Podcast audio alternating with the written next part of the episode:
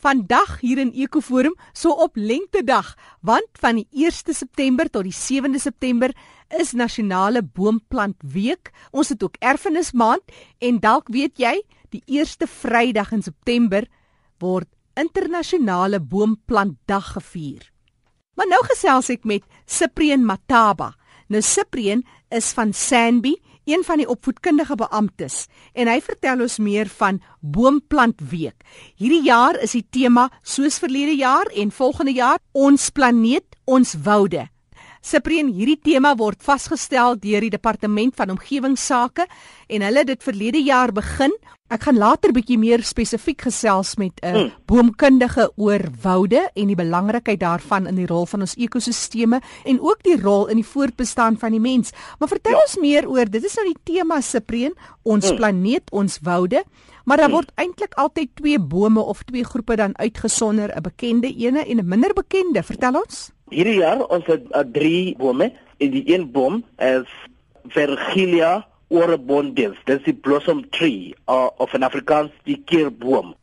Cyprien en ek het nou 'n boek hier byderhand. Watter boom is dit? Dis die naam van hierdie boek, 'n beginner se gids tot die bome van Suider-Afrika, saamgestel deur Eugene Moll. En ek wil graag lees wat hy vir ons vertel oor die keurboom, wat een van die bome is wat hierdie jaar uitgesonder word. Die keurboom val onder die ertjie subfamilie. Nou keurbome is groot, vinnig groeiende en maklik herkenbare bome. Hulle is beperk tot die kus van die Wes-Kaap. Hulle is pioniers aan woudrando of langs riviere. Die pinkkeurboom van Nysna is op groot skaal aangeplant en dit verbaster met die keurboom die westelike spesies. Dis nie maklik om tussen die twee keurbome te onderskei nie, maar die kenmerkende harige takkies, volledig opgevoude blare en die geronde of ingekeepte blaarpunt van die keurboom ontbreek in die pink keurboom. Dit net so een of twee interessanthede van die keurboom, een van die bome wat hierdie jaar in Boomplant Week uitgesonder word. Cyprien, vertel ons oor die tweede boom. Um die Grevia orthodentia, dis die crossberry of die crazy bessie. Mhm. Mm jy kry dit in die Weskaap tot in Zimbabwe kan jy dit kry. Mm. En die kruisspessie wat hierdie jaar uitgesonder word in Boomplant Week in Suid-Afrika, val onder die groep van die Rosyntjie bos. En dit is 'n boom wat tipies so in die lente en in die somer pragtig is, 'n klouterende struik of 'n klein boom so aan woudrando in die bosveld, in die ruigtes en beboste grasveld en soos Cyprien vir ons vertel het, vanaf die Kaapse Skiereiland reg op met die kus langs tot in Zimbabwe wat hierdie boom wyd versprei is. 'n Paar van die boom se kenmerke is dat die ouer stamme geneig is om ronderig te wees en die blare is ietwat dun in tekstuur met of sonder eilhare bo en onder. Die rand is fyn getand tot geskulp. Die blomme kom voor so 1 tot 3 blommige trosse wat teenoor blare gedra word en dit is pragtig. Dit is pink, pers en so vuil pinkerige kleur. Die bas se blare word ook vir medisinale doeleindes gebruik en word bewy deur wild en vee. En dis 'n belangrike voedselplant van larwes en skoenlappers. En dan is daar 'n derde boom Cyprien. Dan is die Arringtonia racemosa, the powerpuff uh, tree, poerkwasboom. Die poerkwasboom. Goed, die, ja. Ja. Waar kom hulle voor? Die poerkwasboom jy kry dit meeste van die tyd in die East Coast van Suid-Afrika, maar jy jy kry dit ook in Mosambiek en Madagaskar, India en Sri Lanka, Malaysia, Thailand, bietjie in in Australië interessantheid van die poeierkwasboom na aanleiding van die boek Veldgids tot bome van Suider-Afrika saamgestel deur Bram van Wyk en Piet van Wyk sê hulle dat die poeierkwasboom die bas word as visgif gebruik. Dit is ook 'n insekdodende gif. Die vrugte word graag vir medisinale doeleindes gebruik en dit is 'n voedselplant van die larwes van die skoenlappers. Cyprien Mataba wat vir ons die bome van hierdie jaar in Boomplant Week uitgesonder het.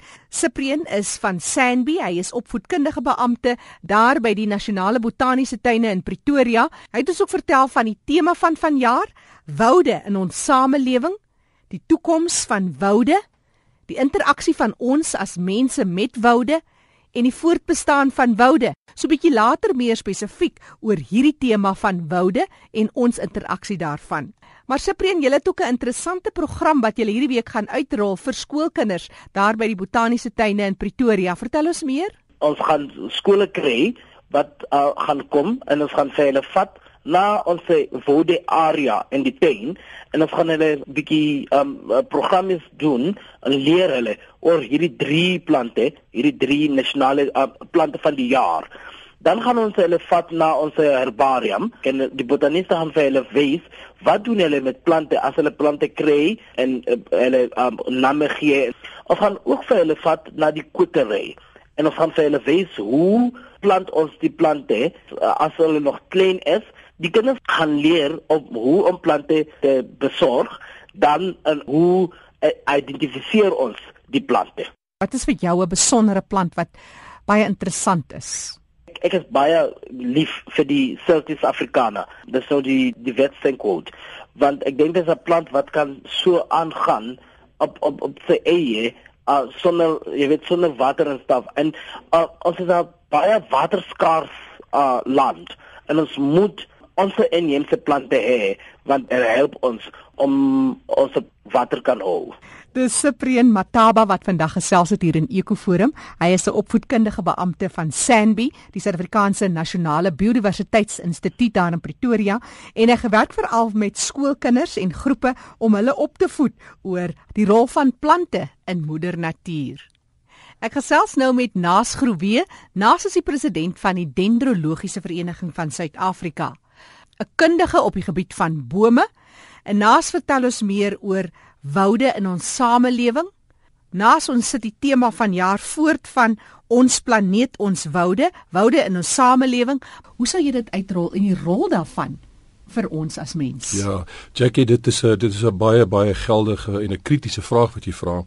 En ek wil net 'n tree terugtreë en sê toe ons in 1979 die Dendrologiese Vereniging gestig het, het ons 'n lese aangeneem um, wat lui Arboretum solvarumque conservatius salus mundi est.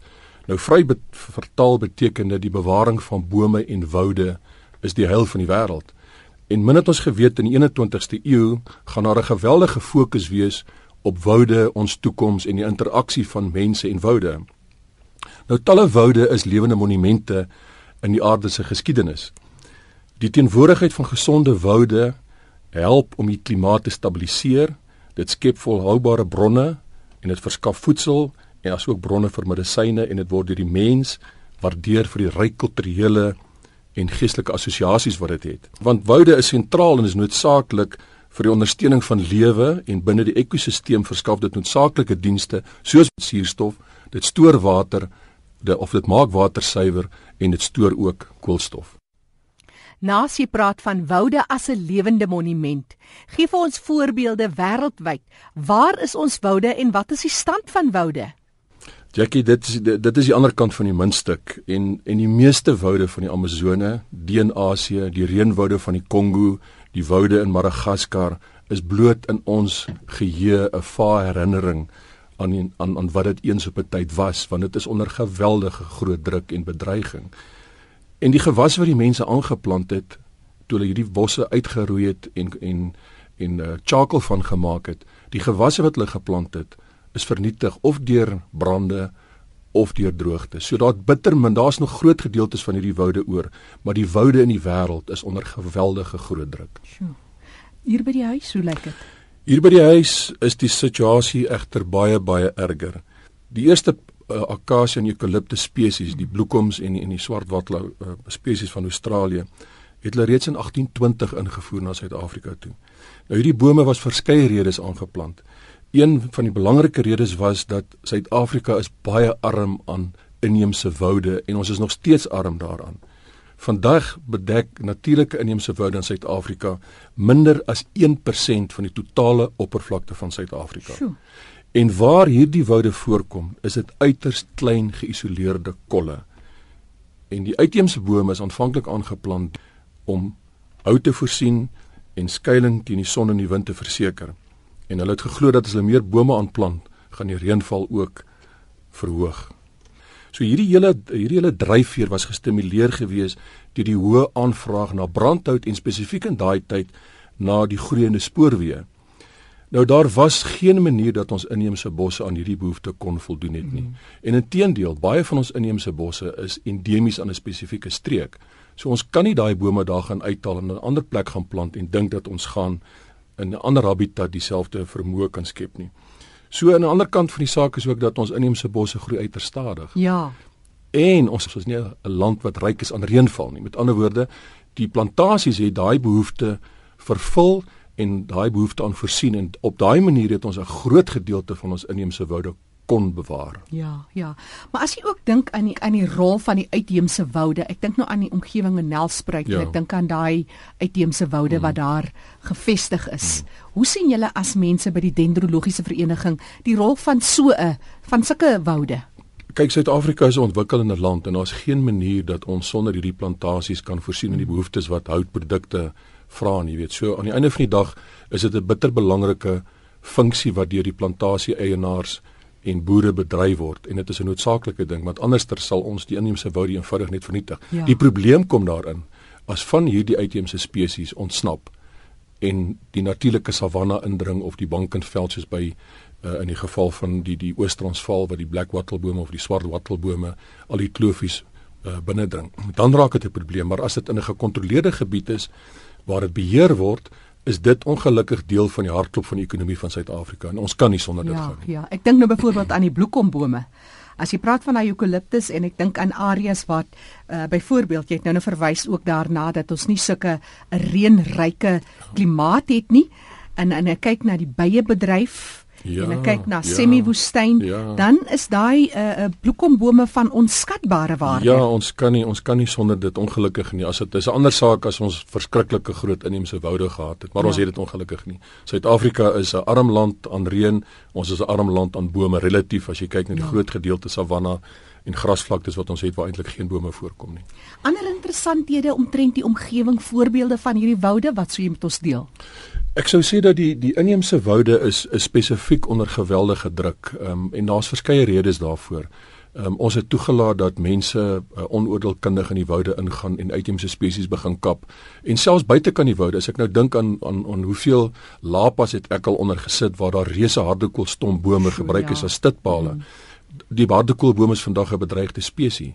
Jy weet so daar's daar's maniere wat ons kan sê uh, kom ons kyk anders na die probleem en kom ons hanteer dit anders want aan die einde van die dag het ons net een kans om dit wat ons hier het te bewaar ook vir ons nageslag.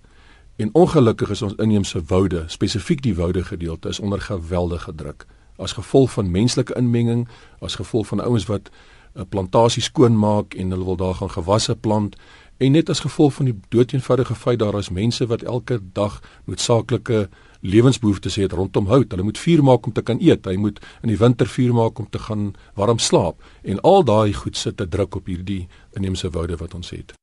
Naas Groewe wat gesels, hy is van die Dendrologiese Vereniging van Suid-Afrika, want vandag van die 1 September tot die 7de September is Boomplant Week hier in Suid-Afrika en jaarliks op die eerste Vrydag van September is internasionale Boomplant Dag. Wat doen jy die week? Gaan jy 'n boom plant? Nou, ons het later meer oor die interessanthede van boomspesies soos professor Bram van Wyk met ons gaan gedeel, maar as jy moet praat oor die verhouding van ons en bome, wat sou jy vir ons vanmiddag sê as Jan en San publiek? Weet jy Jackie, daar moet daar's 'n daar's 'n verhouding tussen tussen die mens en die omgewing wat ons nie kan negeer nie. Daar's iets wat ons as jy dit nie het nie, dan mis jy dit. En en ek ek ek, ek wil amper sê dat die die plante wat ons het of die bome wat ons plant moet so half en half ons gewete wees in terme van wat ons elke dag doen. As jy 'n dag 'n moeilike 'n tyd op die kantoor gehad het en jy veral hierdie tyd van die jaar wanneer die bome bot en jy stap in jou tuin rond en jy sien hoe daai wit stinkhoutblaartjies ontvou mm. en jy sien hoe die koraalboom se rooi blare begin bot, dan moet dit iets aan jou siel doen. Dit moet iets aan jou siege doen en dit moet vir jou sê, weet jy wat, ek moet 'n een, een of ander koneksie maak met hierdie hmm. amper dooie goed wat ons al oor gepraat het nie regtig dooie goed is nie. En ek dink daai ja, tipe van ja. goed moet ons moet ons meer ons moet dit meer dikwels begin doen, jy weet. Ontspan onder 'n boom, gaan sit onder 'n boom, uh, lees jou boek, drink jou koppie koffie, net daai sielesvreugde en die absolute stilte wat dit bring moet elke mens aanraak. Ek kom ek weet ook daar's mense wat jy weet nou tradisioneel baie voelkyk gedoen het, maar deesdae ja. neig mense al hoe meer ook om hulle kennis te verbreek en ook die botaniese name van bome ja. te wil onthou, bome te wil identifiseer, ja. want dit is ook 'n lekker jy weet 'n lekker ding as jy byvoorbeeld in die motor ry iewers en jy speel met die kinders, kyk wie kan watter boom identifiseer ja. en baie keer het jy 'n rekenaar in die motor en dit is net so lekker om ook jou beter toe te rus in terme ja. van die kennis of gaan oplees. Jy weet en die goed is baie meer toeganklik ja. wees daar, jy weet uh, dit is amper dis nou nie so goed soos die voelgidse nie want ek meen bome verander van streek na streek, dis 'n bietjie moeiliker. 'n Mens moet 'n baie baie goeie uh, verstaan hê van die boomsleutel om regtig waar sin uit dit uit te maak, maar daar's verskriklike pragtige gidse met volledige fotos en met 'n bietjie moeite sou dan waarskynlik kan regkom, maar dit gaan 'n bietjie gesukkel wees. Naskroe weer wat gesels het oor woude vir 'n lewende planeet. Ons het gekyk na ons woude, ons toekoms. Naas vir mense wat met jou wil kontak maak, gee bietjie vir ons jou kontakbesonderhede. Ja, Jackie, ek kan gekontak word op ons webtuiste, dis www.dendro.co.za of hulle kan direk met my kontak maak op my selfoonnommer is 082 575 4244. Ek herhaal gou-gou. www.dendro.co.za of 'n selnommer 082 575 4244.